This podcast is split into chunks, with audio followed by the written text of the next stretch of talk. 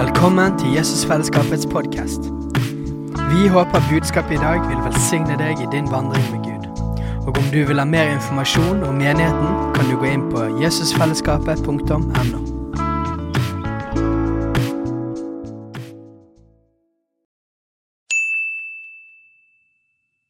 Hei! Visste du at Jesusfellesskapet starter en ny bibelskole til høsten? Den heter Jesusskolen og starter den 3. september. Gå inn på jesusskolen.no for mer informasjon.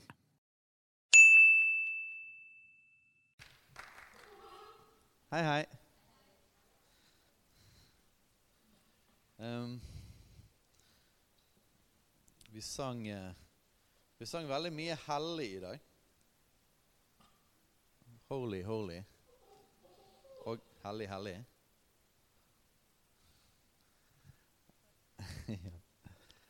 um, og jeg skal snakke om hellighet. Um, og Rebekka var òg innom de tingene. Så jeg skal snakke om vår nye identitet som hellige. Som nye skapninger. Um, det er noe som uh, vi og jeg har snakket en del mindre om enn det Bibelen snakker om det. Det nye testamentet snakker veldig mye om dette. Og Hvis man leser brevene spesielt, men klart Jesus har også snakket masse om dette Men brevene til menighetene, menighetene i Nytestamentet snakker veldig mye om vår nye identitet som hellige. Så er det jo sånn da at um, evangeliet det er jo veldig gode nyheter på mange områder. Det første evangeliet gjør, det er å peke på at vi trenger tilgivelse for vår synd. Sant? Det står I Romerne kapittel 3 står det om at eh, loven den eh, bringer erkjennelse av synd. Så loven gjør at eh, vi skjønner det at vi trenger Jesus. Vi trenger tilgivelse. Og, og så er evangeliet altså de gode nyhetene om at eh, om vi tror på Jesus, om vi setter vår lit til Han og det han gjorde på korset når han døde for alle verdens synder og sto opp igjen fra de døde Om vi setter vår lit til Han, erkjenner vår synd, så tilgir Han oss for all vår synd. Det er fantastisk. Eh? Så absolutt alt blir slettet vekk. Men så skjer det enda flere ting. Ikke bare blir vi tilgitt, men vi får en ny identitet. Vi blir en ny skapning. Og det er mange sider av den nye identiteten. Den første og den mest grunnleggende er den at vi blir Guds barn. Nå er vi alle sammen skapt til å være Guds barn i utgangspunktet. Gud han har alltid vært en far, og når vi ble skapt, ble vi skapt til å ha et barne, barnekår, barneforhold til han. Men så kjenner vi historien om Adam og Eva og syndefallet. Og, og så for menneskeheten så ble den relasjonen brutt. Og den beste, den beste historien som illustrerer Guds hjerte bak evangeliet, det er jo historien om bortkomne sønn der far står og venter og speider og lengter etter at sønnen skal komme hjem. Og På et eller annet tidspunkt der i grisebingen så står det at hans sønn han kommer til seg sjøl. Han får erkjennelse. Han får erkjennelse av sin tilstand. Og så bestemmer han seg for å snu, vende om og dra tilbake igjen til sin far. Og hans far sto og ventet og speidet. Og eh, med en gang han så sønnen, så sprang han mot ham, han omfavnet han. Eh, og sønnen ble tilgitt, og han ble gjenopprettet i sin relasjon til sin far. sant? Han var jo alltid sønn. Han var alltid meningen å være sønn. Men relasjonen ble brutt fordi at han gikk vekk. Han valgte å gå vekk fra far. Men der ble relasjonen gjenopprettet. Så i frelsen så blir vi gjenopprettet. Men hva er det som skjer videre òg med, med, den bortkomne sønn? Nei, han får nye klær. Han får ring på fingeren, sko på føttene. Han blir gjenopprettet sin originale, til sin originale identitet. Barnekåret. Sant? Retten til å være barn. Så den første viktige delen av vår identitet er det at vi har Gud som far. Gud, vi kan kalle Gud pappa. Barnekårets ånd. Abba, far. Pappa. Det betyr at vi kan ta imot hans kjærlighet og leve i hans kjærlighet hver eneste dag. Det fins ingenting som kan hindre oss for å ta imot hans kjærlighet. Vi trenger ikke fortjene hans kjærlighet, for identitet betyr at det er en tilstand vi er i konstant. Så veien inn til Faderen er åpnet gjennom tilgivelsen for synd. Og vår identitet er blitt gjenopprettet, sånn at vi alltid kan være hos ham. Vi kan alltid være i hans nærvær. Vi kan alltid ta imot hans kjærlighet. Vi er Guds elskede barn. Amen? Eh, og dette med vår identitet som barn er et utrolig viktig, og, viktig fundament som vi trenger å høre igjen og igjen og igjen. Og igjen. Og jeg kan faktisk eh, gi en liten announcement at i helgen til 1. mai eh, det er vel et eller annet 20 et eller annet april. 29. april. Så skal vi ha en Fatherheart-weekend eh, her. Eh, det blir kjempebra. Og vi trenger alltid å få dukket dypt i dette med barnekåret og Gud som pappa. Kjempe, kjempeviktig. Eh, men akkurat nå så skal jeg snakke om en annen del av vår identitet. Men alle disse tingene henger sammen. Så en del av vår identitet er at vi er tilgitt, vi er rettferdige gjennom Jesu blod. Så vi er rettferdige. En annen side av vår identitet er det at vi er Guds barn, og Gud er vår far. Og så er det en tredje side av vår identitet, og det er det at vi er hellige. Vi er blitt nye skapninger. Så finnes det en fjerde som jeg ikke skal snakke om nå. Det er det at vi er salvet med Den hellige ånd. Vi er blitt de salvede kristne. Eh, men vi er altså hellige. Så når evangeliet treffer oss, så er det så utrolig mange ting som skjer. Men evangeliet forvandler oss. Evangeliet er mer enn Selv om det hadde vært plenty gode nyheter i seg sjøl hvis evangeliet kun var kun i hermetegn, at all vår synd ble slettet, og vi fikk ha relasjon med Gud, og vi gikk ikke fortapt, men for evig liv, så hadde jo det i seg sjøl vært plenty. Men det hadde jo vært veldig gode nyheter, bare det. Men det er enda mer enn det. Det er også gjenopprettelse av vår identitet. Vi kan leve nær Han. Han er vår far. Men så er det sånn at når nåden treffer oss, så forvandler nåden vår natur det skjer en distinkt forskjell i oss. Eh, og Her kan det være det at du har blitt lært andre ting. Det, det finnes noen sammenhenger som underviser dette litt annerledes. Men jeg opplever Bibelen er veldig klar og tydelig på at når vi møter nåden, når vi møter evangeliet, så er ikke vi lenger syndere. Men vi er hellige. Så vår identitet blir endret. Det er nemlig sånn at uh, Paulus skrev jo mange brev. Men han skrev ingen brev til synderne i Roma. Eller synderne i Korint. Eller Og det kunne han godt gjøre, for det var mye trøbbel i menigheten i Korint. Han skrev heller ikke til synderne i Galatia eller synderne her eller Han skrev til de hellige så hvis det, det hadde blitt skrevet et sånt brev til oss, og det er det jo for så vidt, for alle disse tingene er jo Guds ord til oss i dag Men hvis det hadde blitt skrevet eh, eh, et brev til Guds menighet i Bergen, så hadde det vært til de hellige i Bergen. Og Hvis det hadde blitt skrevet helt spesifikt til vår forsamling, så hadde det vært til de hellige i Jesusfellesskapet. Det betyr at vi er hellige. Det er vår identitet. Og skal vi snakke om hellighet, eller snakke om frihet fra synd og det å vandre som hellige, så må vi snakke om det ut fra identitet. Fordi at Hvis ikke det har skjedd noe distinkt annerledes inni oss, så blir jo å snakke om hellighet bare å gå tilbake til loven. At vi i vår kraft skal prøve å gjøre gode gjerninger.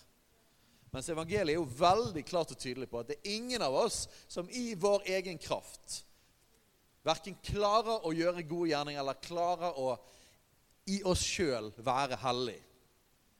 Sant? Romerne 3,23. For vi har alle syndet og står uten ære for Gud. Men ufortjent av Hans nåde. Sant? Ufortjent har vi fått Hans nåde, forløsningen, i Kristus Jesus. Ufortjent. Men når evangeliet treffer oss, så skjer det faktisk en endring. Det er ikke sånn at Som en kristen så er det ikke sånn at det, det er meningen at vi skal leve hver dag som vi var før korset. Hva betyr det?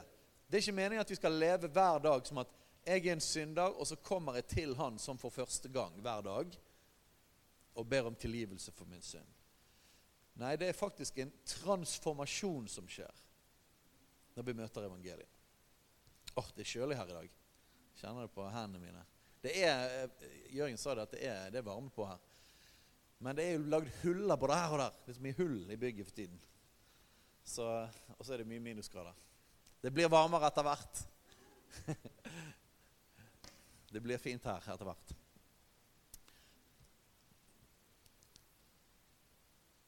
Vi kan begynne i Esekiel, du. Ja, Esekiel kapittel 36. Fordi at Gjennom Det gamle testamentet så kom det en del profetiske ord om at det skulle komme en ny tid. Det skulle komme en ny tid der ikke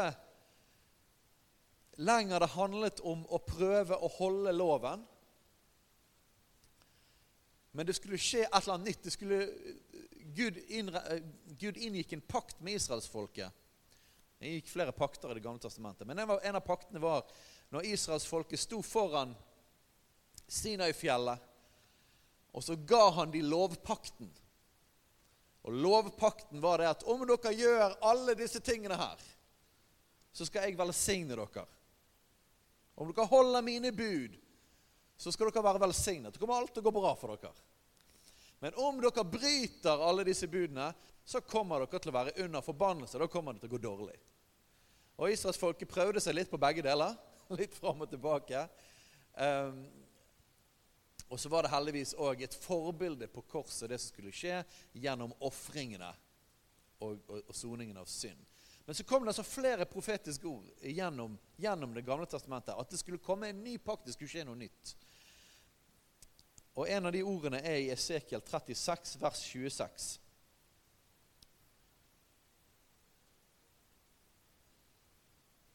Jeg pleier alltid å ta ett vers før, jeg, før, det verset jeg sier, så det blir 25. Det finnes alltid noe mer eh, fin kontekst. Vers 25. Og jeg vil stenke rent vann på dere, så dere skal bli rene fra alle deres urenheter og fra alle deres motbydelige avguder vil jeg rense dere. Åh, det er fint, ikke det? Det er tilgivelsen for synd. Han skal vaske oss med rent vann. Det er tilgivelsen for synd. Så dette her skal skje. Og så står det i vers 26.: Jeg vil gi dere et nytt hjerte og en ny ånd. Jeg vil ta bort steinhjertet av deres skjød og gi dere et skjødhjerte, eller kjøtthjerte. Min ånd vil jeg gi inne i dere, og jeg vil gjøre det så at dere følger mine bud og holder mine lover og gjør etter dem. Så det begynner, dette løftet om den nye pakt begynner i at han skal tilgi og rense, vaske vekk alle våre synder. Halleluja! Er det noen som er glad for tilgivelsen for synd? Nåden? At vi er vasket rein i lammets blod? Det er fantastisk. Men så slutter ikke evangeliet der. Virkningen av evangeliet slutter ikke bare med tilgivelsen. Det kunne jo sluttet der, og så bare kom vi til han og så ble tilgitt igjen og igjen. og igjen, sant? Jeg skal si litt om det, hvordan ser det ut med tilgivelse når vi har fått en ny natur. Det kommer litt senere. Men så skjer noe mer. Han vil altså ta ut steinhjertet. Hva er steinhjertet? Hva representerer det? Dette blir skrevet på forskjellige måter i Det nye testamentet. Men det representerer den onde naturen. Det representerer syndenaturen som gjorde det at mennesket hadde ikke sjans til å gjøre det Gud sa. Fordi at fra innsiden var det en drivkraft som gjorde at de bare måtte synde. De klarte av og til kanskje å gjøre noen gode ting, men gjennom egen disiplin og kraft så bare, det var en sånn drivkraft til synd som kom inn ved syndefallet, at det var umulig for dem å virkelig i lengden holde Guds bud. Men gjennom å møte nåden så blir det gjort noe med det grunnleggende satt på dypet. Det steinhjertet, den drivkraften etter synd, skulle bli tatt ut. Og så skulle vi fått et nytt hjerte. Et kjøtthjerte. Et levende hjerte. Og mer forklart igjen hva dette er for noe. Min ånd vil jeg gi inni dere. Så hans ånd, istedenfor at det bare var en sånn ytre ting med det at, eh, at Guds ånd sa, Herrens ånd sa sånn og sånn skal du gjøre, selv om det alltid var rett det står i, i, gjennom Nytestamentet at loven er god. Altså Det er ikke noe galt med loven. Problemet er bare effekten loven får på oss. For når loven treffer oss, så, bare, så ser vi at oi, vi får ikke det til. Og hvis vi prøver å leve under loven, så er det eneste vi opplever, det er et håpløshet. Det funker ikke. Så Romane 3 sier at loven, des, loven var designet for å bringe oss til Jesus. At vi skulle få erkjennelse. Men loven i seg sjøl er god. Den representerer Guds natur, hans vilje. Men for oss ble den en, en byrde. Men så skulle nå istedenfor at loven og ånden talte utenfra, skulle altså ånden komme inni oss. Min ånd vil jeg gi inne i dere, og jeg vil gjøre det så. Jeg vil gjøre det så. Han. Han skal gjøre det sånn. Før var det vi skal prøve å holde loven. Den nye pakten er at han vil gjøre det sånn inni oss at vi vil gjøre hans vilje. Det er ganske forskjellig, ikke det? Så når vi snakker om synd og hellighet og etterfølgelse, så må vi forstå hvordan dette henger sammen. Og det er koblet på identitet. Men dette er veldig gode nyheter. For det som ikke vi kunne gjøre, eller loven kunne gjøre, det gjorde han i oss. Og så kommer selvfølgelig spørsmålet ja, men, ja, men, jeg klarer jo å få til litt, litt av hvert fortsatt. Ok, vi kommer til det. Men vi må forstå dette med en ny identitet. Min ånd vil jeg gi inn i dere, og jeg vil gjøre det sånn at dere følger mine bud og holder mine lover. Jeg tror at Min opplevelse er at den beste måten å finne ut om noen er født på ny det er ikke først og fremst Det, det bør være frukt i livet. ok? Det bør, vi kommer til det. Det bør være frukt i livet. Det bør kunne merkes. Men, men, men jeg tror ikke det er den, den, aller beste måten å finne ut om noen er født på ny, er ikke, ikke først og fremst heller livet til folk. Men den aller beste måten, sånn som jeg ser det, er å finne ut om Er det et ønske der om å følge hans? Hans vilje. Fordi at det er ikke noe vi har i oss sjøl. Men hvis du er født på ny Og dette kan ikke du eller jeg gjøre noe til eller fra engang. Vi får ikke til å ikke. Altså, Så lenge vi er født på ny, hvis vi har fått et nytt hjerte, så vil det fra innsiden av oss være en lengsel etter å følge hans vilje. Og hvis ikke den lengselen er der, da er vi nok ikke født på ny. Enkelt og greit. Fordi at dette er det som skjer når vi blir frelst. Og det er nok en gang, det er ikke ved våre anstrengelser. For evangeliet er at vi erkjenner det at vi kommer til kort sjøl. Så det vi kommer med, er jo bare vår elendighet og synd og sier at 'Jeg trenger deg, Jesus. Jeg trenger tilgivelse. Jeg trenger nåde. Jeg gir deg hele greien.' Men når vi gjør det, så gjør han en hjerteoperasjon, faktisk en hjertetransplantasjon på oss. Og uansett om du vil eller ikke, etter det så vil det være en drivkraft på innsiden som sier at 'jeg vil leve hellig'. Jeg vil det. Og så begynner en fantastisk prosess. For dette her er både en instant ting og så samtidig en prosess. Så den instant-greien er at du får et nytt hjerte, en ny natur. Og så samtidig begynner en prosess som heter helliggjørelse. Som er det at vi vandrer med Han, og så gjør Han oss mer og mer og mer lik Han. Vi begynner å leve mer og mer ut fra vår nye natur, ikke det gamle livet og den gamle naturen. Og så blir vi mer og mer og mer og mer lik Han. Og jeg kan si én ting, og jeg har sagt dette mange ganger. Jeg kan, jeg kan si at jeg har prøvd begge deler. Beste, noe av det mest fantastiske som fins, er å oppleve Guds nåde. Det er fantastisk.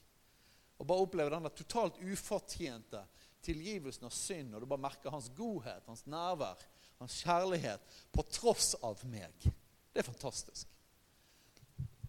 Og det har jeg opplevd mange, mange ganger. Men det er én ting som jeg Min personlige erfaring er at det er enda bedre. Det er når jeg merker at han har satt meg fri fra synd. Og det vil alltid være ting. Jeg trenger å vandre i Hans nåde. ta imot hans nåde. Men når jeg merker at det er noe som For det er ikke noe gøy å slite med synd. For at min natur sier at jeg vil leve hellig. Så når man sliter og kjemper med ting ah, Det er slitsomt. Men nå merker jeg at Oi, her har Gud satt meg fri fra noe. Jeg har ikke lenger en fristelse der. Jeg, ikke, jeg er ikke under dette lenger. Og jeg kan bare vandre i takknemlighet over å ikke måtte liksom gå hele denne runden med Ja, det er sant, jeg er fortsatt ditt barn, du elsker meg. Eh, takk for din tilgivelse, takk for din godhet. Du, du gjenoppretter meg, du, du, tar vekk all min skam og min synd. Altså, det, det er jo fantastisk at vi har muligheten til det. Han, men å slippe å gå i den gangen, det er bare sånn Wow! Jeg er fri! Jeg kan vandre i hans godhet og nærvær. Og det er fortsatt nåde. Frihet fra synd er nåde. Det er han som virker det i oss. Men hellighet For hellig, et hellig liv det har liksom kan vel si var mange grunner til det òg. Og, og, kanskje hvordan ting er blitt forsynt, eller hvordan Jeg vet ikke. Det kan være mange grunner til hvorfor. Men, men, men det der med hellighet høres litt sånn her Jeg vet ikke. Litt sånn hardt ut, eller? Strengt ut eller et eller annet. Og det er jo fordi at vi da kobler det med en gang på egen kraft. Sant? Og da er jo ikke det noen gode nyheter. Men hellighet er fantastisk. Den nåde at han setter oss fri fra synd, og at vi får vandre mer og mer sånn som han, det er en, det det er en enorm velsignelse. Det fins kun glede i det.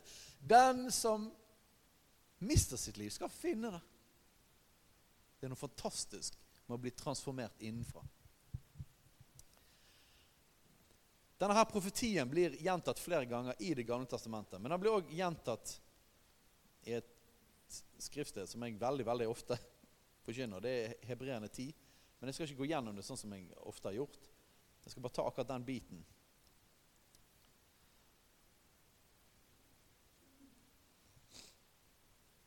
Fra, fra vers 14. Hebreerne 10, 14. For med ett offer har han for alltid gjort dem fullkomne som blir helliget. Vi blir altså helliget, sant? Dette vitner også Den hellige ånd for oss, for etter at han har sagt dette er den pakt jeg vil opprette med dem etter disse dager. Så sier Herren, jeg vil gi mine lover i deres hjerter og skrive dem i deres sinn. Så han forandrer altså vår natur. Jeg har prøvd dette her forskjellige steder. Sikkert litt her. Prøvde i Polen, med uh, veldig mislykket. Men jeg har lyst til, jeg skal ikke tvinge dere til å si men jeg har lyst til at dere skal si noe etter meg. Men Jeg skal ikke gå til hver enkelt og tvinge deg til det. Eller oppfordre deg til det. For jeg tror det er åndelig krigføring. Jeg opplever det at Identitet på dette området er veldig veldig viktig. Og fienden prøver å lure oss til at ikke vi har fått en ny identitet. Og det at når vi, når vi tror at vi fortsatt er syndere i identitet Ja da, ja da, vi trenger fortsatt Guds nåde og tilgivelse for synd. Men at når vi tror at vår identitet er å være synder, så er det veldig mye lettere for djevelen å faktisk få oss til å handle på den identiteten og leve ut fra den identiteten. Mens det er ikke sånn at vi bare sånn jeg er hellig, jeg er hellig, jeg er hellig, og så bare hvis vi sier det mange nok ganger, så skjer det. Nei. Men når vi taler ut Guds ord, når vi taler ut det som er sant, det er objektivt sant, at når vi er født på ny, har vi fått en ny ånd. Når vi da proklamerer, når vi er enige med det Guds ord sier, vi er enige med virkeligheten, og vi taler det ut, så gjør det noe med sinnet vårt, og det gjør noe med åndsatmosfæren rundt oss. Så Derfor er det viktig å proklamere ut sannheter om oss sjøl. Så jeg har lyst til, å si at, vi, at, lyst til at du skal være med og si 'Jeg er hellig'. Så bare vær med på det. Én, to, tre. Jeg er hellig. En gang til. Jeg er hellig. Dette er noe som du kan proklamere sjøl. Det er masse andre bra ting. Jeg er elsket. Jeg er Guds barn. Jeg er tilgitt. Det er masse bra ting å proklamere. Men òg proklamere jeg er hellig. Jeg har fått en ny natur. En ny ånd.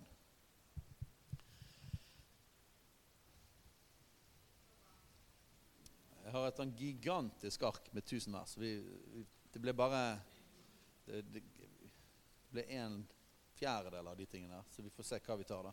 Men vi må ta dette verset iallfall. Eh, 2. Korinterne 5, 17.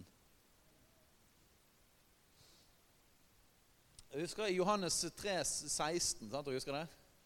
Var det han eh, fariseeren Nikodemus som kom til Jesus, og så så kommer Jesus da med denne fantastiske For så etter Gud elsket verden at han gav sin sønn den enbårne for at hver den som tror på han ikke skal gå fortapt, men har evig liv. Og i vers 17 at, at han ikke er kommet for å dømme verden, men for at verden skal bli frelst med han. Men inni der så driver Jesus og snakker om det at du må, du må, du må bli født på ny. Du må bli født på ny. Og Der kommer jo det begrepet fra. Er du født på ny? Så hva betyr å bli født på ny? Hva skjer når vi blir født en gang til? Nei, Det som skjer da, er at vi blir en ny skapning. Vi blir et nytt menneske. Et nytt menneske. Og I 2. Korinterne 5, 17 så står det Derfor, om noen er i Kristus Er det noen som er i Kristus her? Skjult i Kristus? Da er han en ny skapning. Det gamle er forbi, se alt er blitt nytt. Vi er en ny skapning. Og så står det veldig mange ganger gjennom brevene Så står det sånn, Forkortelsen av det det står på forskjellige måter. Men liksom, dra ut essensen av det er rett og slett at, at både Paulus og Peter og flere av de andre brevene underviser om vi har fått en ny identitet, en ny natur. Og så kommer det en utfordring. Så lev da ut fra den naturen. Eh, men, men det klarer ikke Forskjellen på loven og evangeliet i forhold til det med hellig liv, er det at det har skjedd en endring på innsiden.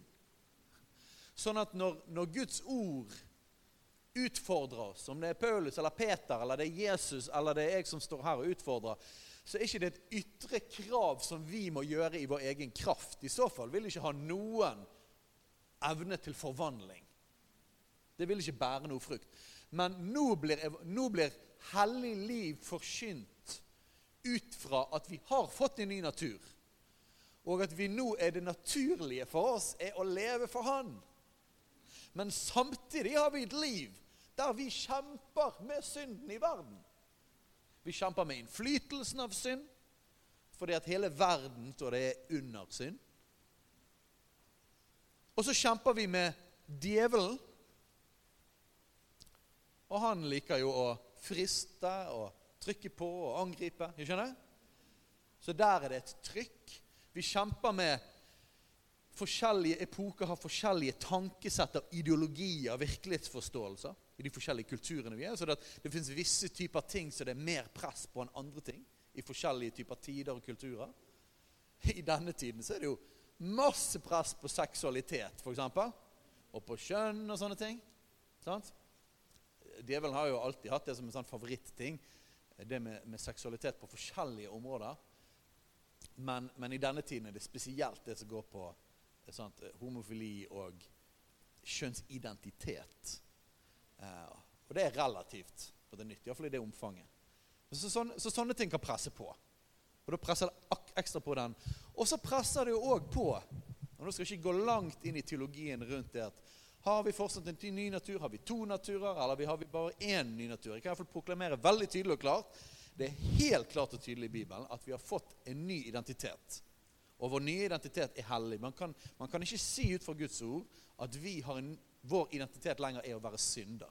Det kan du ikke si. Eh, det er folk som sier det, men du kan ikke finne noe verdt på det. Det stemmer ikke med Bibelen. Vi er ikke syndere. Så det er noen som mener det at i tillegg til den nye identiteten, så har vi fortsatt den gamle identiteten. At vi er som syndere samtidig. Og så kjemper disse to identitetene mot hverandre. Noen mener det. Og det finnes ting i Bibelen som kan tyde på noe sånt. Men det er andre som mener at nei, vi har bare én identitet, og den ble skiftet ut. Vi er hellige, og det er vår drivkraft. Og Det betyr at det vi da kjemper med, er tankesett. Eller fienden ytre ting som kommer.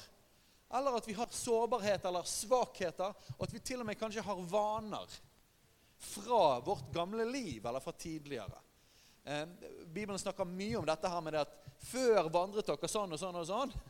Men nå så har dere blitt forandret, så slutt å holde på med det der fortsatt.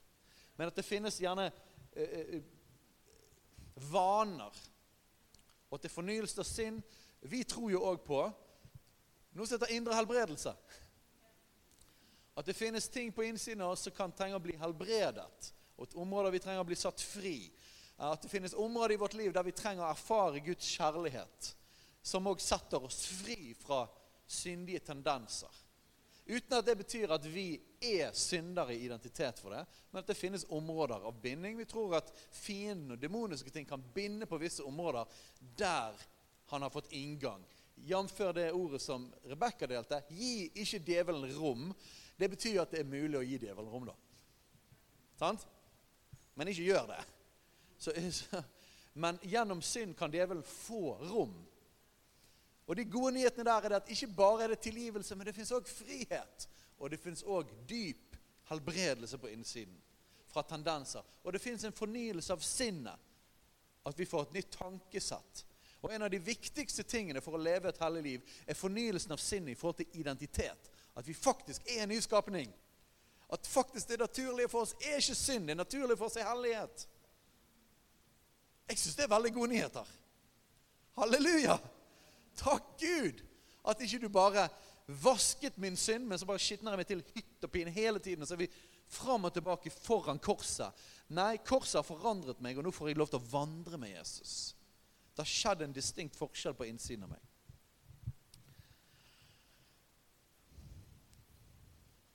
Ok. 52. Ok. Vi tar denne, da. Kolossene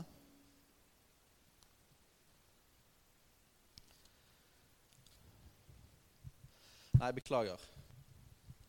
Vi må ta litt mer i Korinterne. Ok, jeg bare raser gjennom det. Jeg leste eh, 2. Korinterne 5, 17. Derfor, om noen er i Kristus, da er han en ny skapning. Det gamle er forbi. Se, alt er blitt nytt. Halleluja. Og så står det litt forskjellige ting. Paulus er flink på digresjoner. Og så kommer man til eh, kapittel 6, vers 14.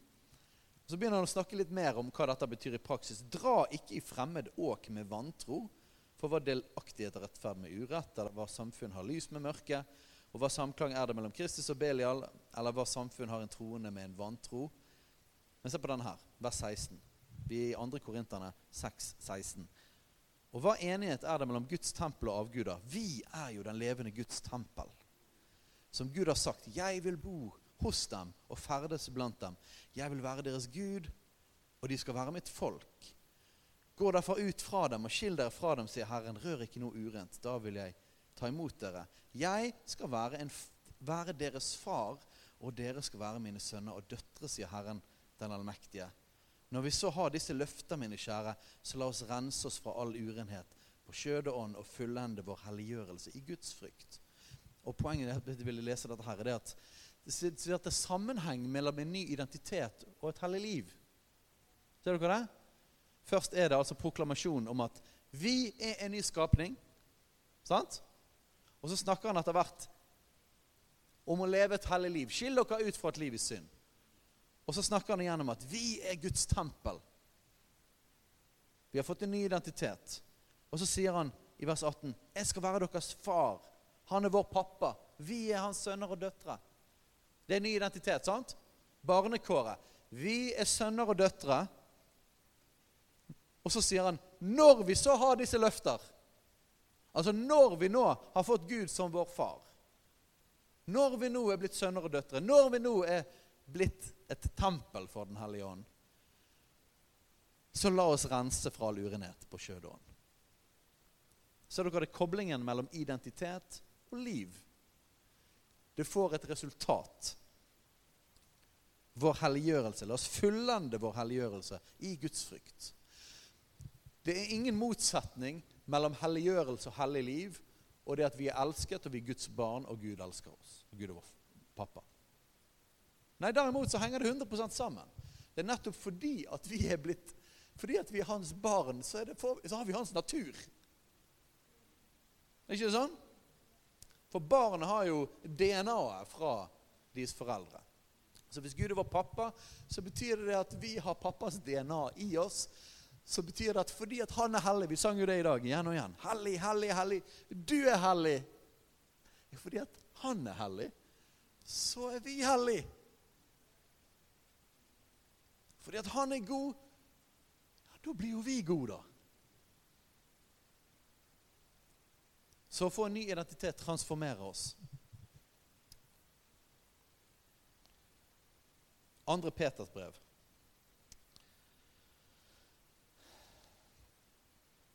Nei, første Peters brev.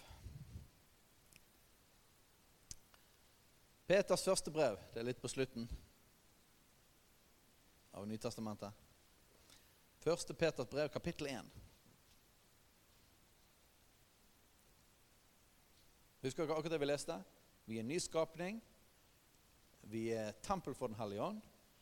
Og vi er blitt sønner og døtre av Gud. Derfor la oss fullføre vår gudsfrykt og helliggjørelse. Så identitet, hellig liv. 1. Peter 1, vers 14. Som lydige barn må dere ikke skikke dere, et, dere etter de lyster som dere før hadde i deres uvitenhet. Men vær etter den hellige som kalte dere, også hellige i all deres ferd. For det står skrevet dere skal være hellige, for jeg er hellig. Så Gud er hellig, hellig, hellig, hellig. Og så sier han tilbake til oss dere skal være hellige fordi jeg er hellig. Hellig, hellig Gud. Holy, holy betyr du og jeg er hellig, hellig, hellig. Dere skal være hellige fordi jeg er hellig. Som lydige barn. Og det er lett når vi, når vi, når vi kan snakke om oppdragelse og lydige barn, så er det lett å kunne tenke sånn at det betyr at Gud er en streng far. Og nå må dere skjerpe dere, barn. Men hva er en foreldres og hva er ens fars lengsel og hjerte? Er det det at barna skal oppføre seg fordi at de er redd for straff? Men med en gang pappa ikke er i nærheten, så ønsker ikke de å gjøre rette ting lenger. For den eneste motivasjonen de har til å gjøre rette ting, er fordi at pappa blir sint hvis han ser det. Er det sånn foreldre? Er det sånn foreldre lengter, er det foreldre lengter etter for barna? Nei, man lengter jo etter at barna skal fra sitt indre begynne å gjøre gode ting. Fordi at det er deres lengsel og deres lyst De har et indre kompass. Som gjør at når mamma og pappa ikke er der, så tar de fortsatt gode valg. Og når de blir voksne, og mamma og pappa ikke kan komme og kjefte på dem lenger, så er det blitt en del av deres natur eller etikk og moral. Det, det, er sånn de tenker, og det er sånn de handler. De behandler andre mennesker bra, f.eks. Er ikke det det foreldre ønsker? Så hvordan er det vi blir forvandlet? 1. Johannes kapittel 4. Vi elsker fordi han elsket oss først. Og så står det derfor skylder vi å elske brødrene. Så det at når vi erfarer kjærlighet, så forvandler kjærligheten oss. Og det gjør at kjærlighet flyter ut av oss. Todd White sier det på en veldig god måte, syns jeg. Jeg liker det uttrykket. To become love. Å bli kjærlighet. Så hans kjærlighet møter oss, men så, bli, så transformerer hans kjærlighet oss sånn at vi blir kjærlighet. Hans kjærlighet flyter ut av oss. Så lydige barn Hva betyr lydige barn? Lydige barn betyr barn som har blitt forandret på innsiden, som derfor gjør det pappa og mamma ønsker. Ikke fordi de er redd for straff eller kjeft, men fordi det er deres indre drivkraft. Det er lydige barn. Og det er en foreldres lengsel å ha lydige barn. Det er ikke det samme som barn som gjør akkurat det jeg sier når jeg er i nærheten fordi at de er redd for straff. Er ikke det annerledes? Så lydige barn betyr indre transformasjon. Som lydige barn må dere ikke skikke dere etter de lyster som dere før hadde. Hva er det det står her? Det var lyster vi før hadde. Det var vår tidligere natur. Men vær etter den hellige som kalte dere også hellige i all deres ferd. Så ny identitet betyr en ny livsførsel. Det flyter ut fra innsiden. Ok, jeg må avslutte nå, men vi kan jo vi kan ta denne til slutt, da, siden jeg var inn, innom 1. Johannes 4. Så kan vi snakke om dette mer en annen gang. Vår nye identitet. Som hellige, som rettferdige, som Guds barn.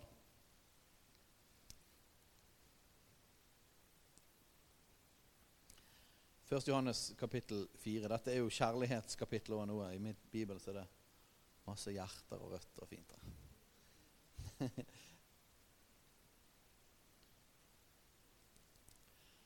Det er nemlig sånn at forskjellige sider Jeg liker ikke det der med at forskjellige sider av evangeliet eller forskjellige sider av Guds natur blir satt opp imot hverandre.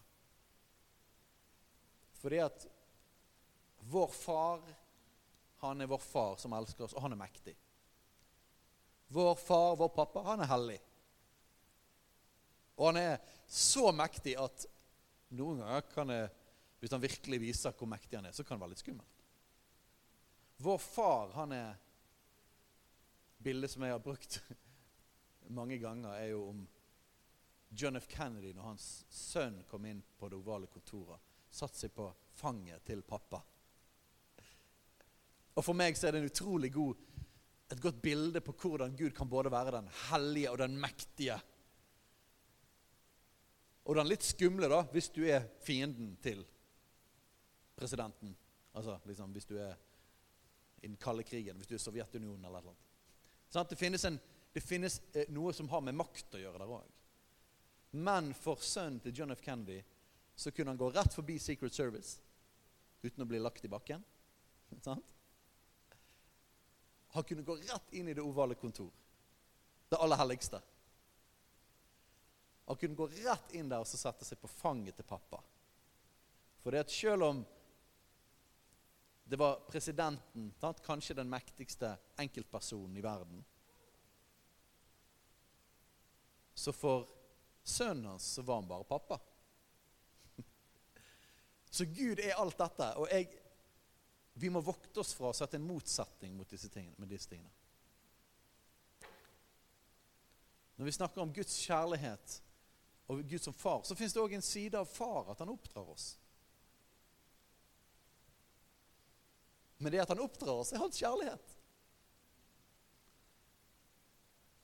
Så kjærlighetskapitlet. 1. Johannes 4, 16. Og vi har kjent og trodd den kjærlighet som Gud har til oss.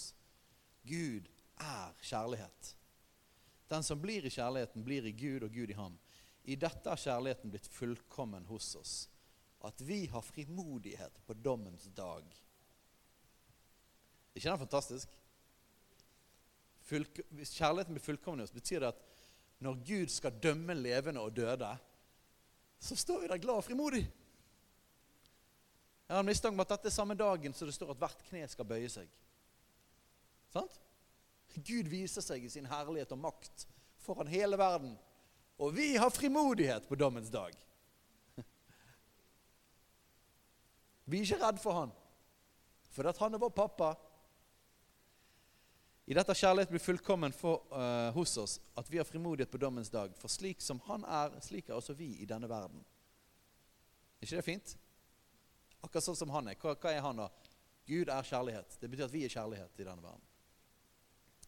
Frykt er ikke kjærligheten, men den fullkomne kjærlighet driver frykten ut. For frykten har med straff å gjøre.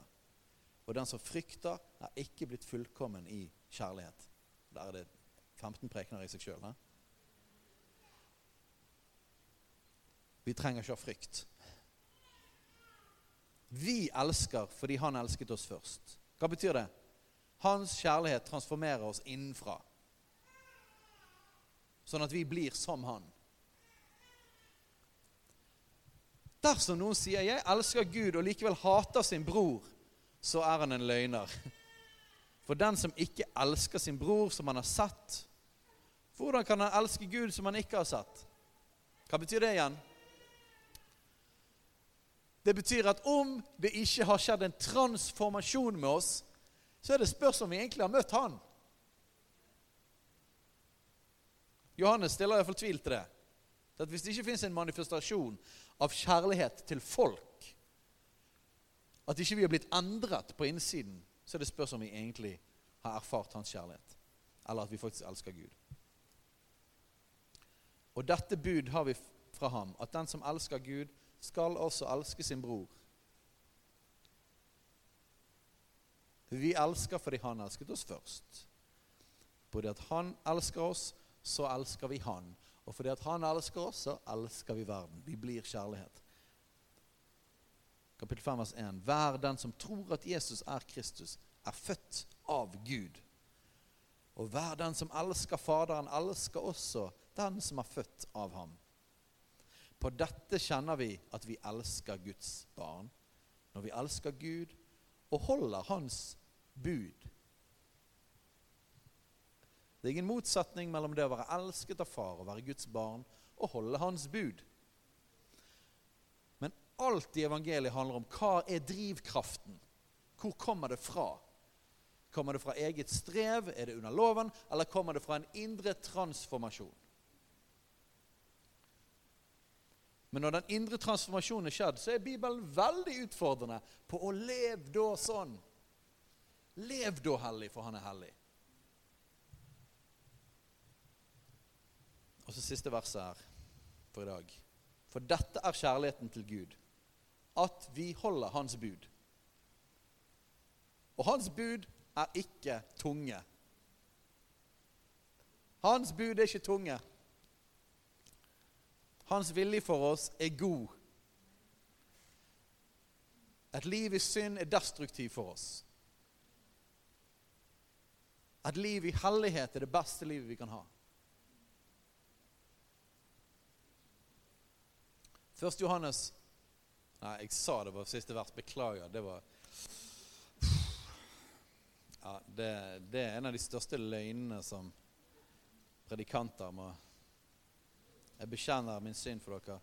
Jakob 5, 16 sier 'Bekjenn for syndene for hverandre', så skal det bli helbredet. Jeg bekjenner det at jeg løy, men det var ikke med ondskap. Hans bud er ikke tunge. Det var det nest siste verset. Sant? Hans bud er ikke tunge, så hold hans bud. Det er en frukt av kjærlighet til han. Hold hans bud. Gjør hans vilje.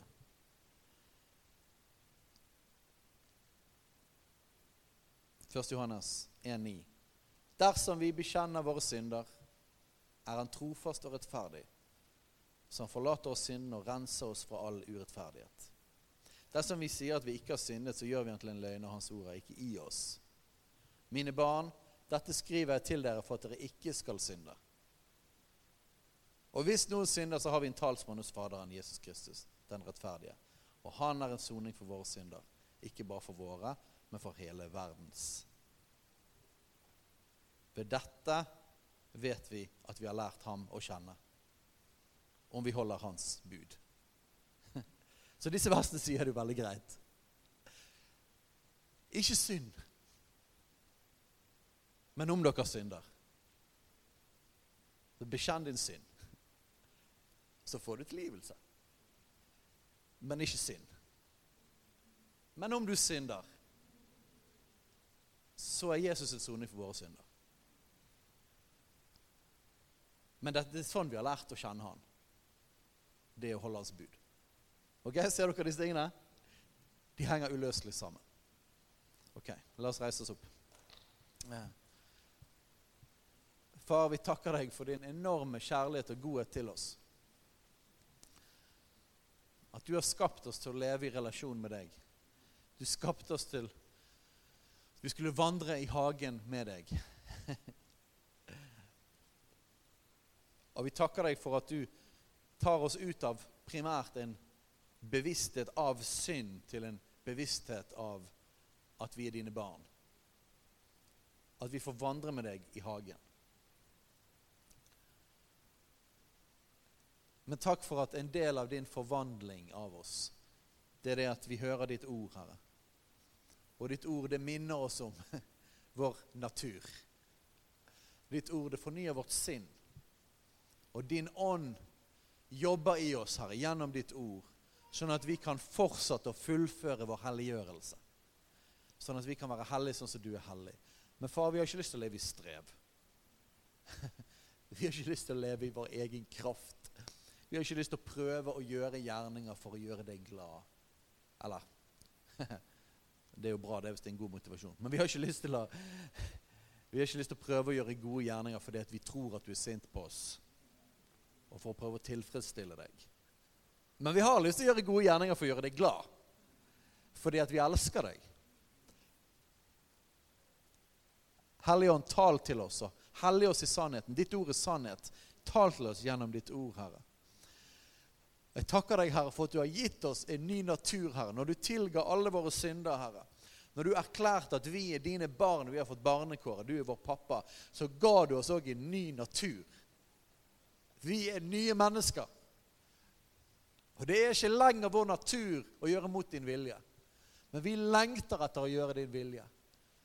Vi ønsker å være som deg, fordi du er god. Herre. Du er full av godhet og kjærlighet. Så vi ber, Herre, fortsett å fullføre helliggjørelsen i oss, Herre.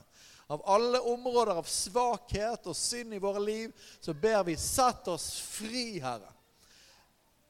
Rykk oss ut av det, Herre, så vi kan leve for deg, Herre. La oss ikke sitte fast i gammelt liv, Herre, gammelt, gammelt drit. Forny vårt sinn og forny vår, vårt hjerte, Herre. Forny oss dag for dag, Herre, så vi blir mer lik deg. Kunne du hvis du har lyst, bare ta og legg hendene på, på deg sjøl, ditt eget hjerte. Far, jeg takk for at du har skiftet ut hjertet vårt. Du har gitt oss et nytt hjerte, et kjøtthjerte. Du tok ut det gamle hjertet. Takk for at vi nå ønsker å gjøre din vilje, Herre. Far, vi ber at din kjærlighet fortsetter å transformere oss. Sånn at vi blir kjærlighet, Herre. Summen av loven er jo kjærlighet. At vi ikke lever for oss sjøl, men vi lever for deg og for andre. Fordi at din kjærlighet er blitt en del av oss. Herre. Sett oss fri, Herre, fra kroppens lyster, Herre. Og forny vårt sinn. Med alle innflytelser som vi fører fra utsiden, Herre. Forny vårt sinn, Herre, gjennom ditt ord, Herre. Og for fienden, Herre, som vil prøve å friste oss, frister han og anklager han. Sett oss fri, Herre. Herre Far, jeg ber om at om vi har gitt djevelen rom på området av vårt liv, Herre, så ber jeg at du hjelper oss til å bekjenne vår synd, Herre. Sånn at døren kan bli lukket for fienden. Sånn at vi kan være fri. Vi erklærer at vi skal være fri, fri, fri. Fri fra synd. Og Helligånd, jeg ber at du, om det finnes uoppgjorte ting, så ber at du Helligånd skal komme og overbevise. Sånn at vi kan bli fri. Sånn at vi kan få fred. Og jeg ber at du skal gi oss nåde og hjelp til å bekjenne vår synd. Både for deg, far, og for våre brødre og søstre. Så vi kan bli helbredet. Så vi kan være fri, Herre. Så jobb med oss, Herre, og rens oss. I Jesu navn. Amen. Hei, alle sammen. Det er Katrine og Steinar Lofnes her. Vi er hovedledere for Jesusfellesskapet. Så kjekt du har lyttet til denne podkasten. Har du forresten hørt noen av de andre podkastene våre? Ukens tale, Disippelskolen, Hyrdepodden, Kulturkrigen og Mammas hjerte. Du finner disse podkastene på Spotify, Apple Podkaster og på nettsiden vår jesusfellesskapet.no.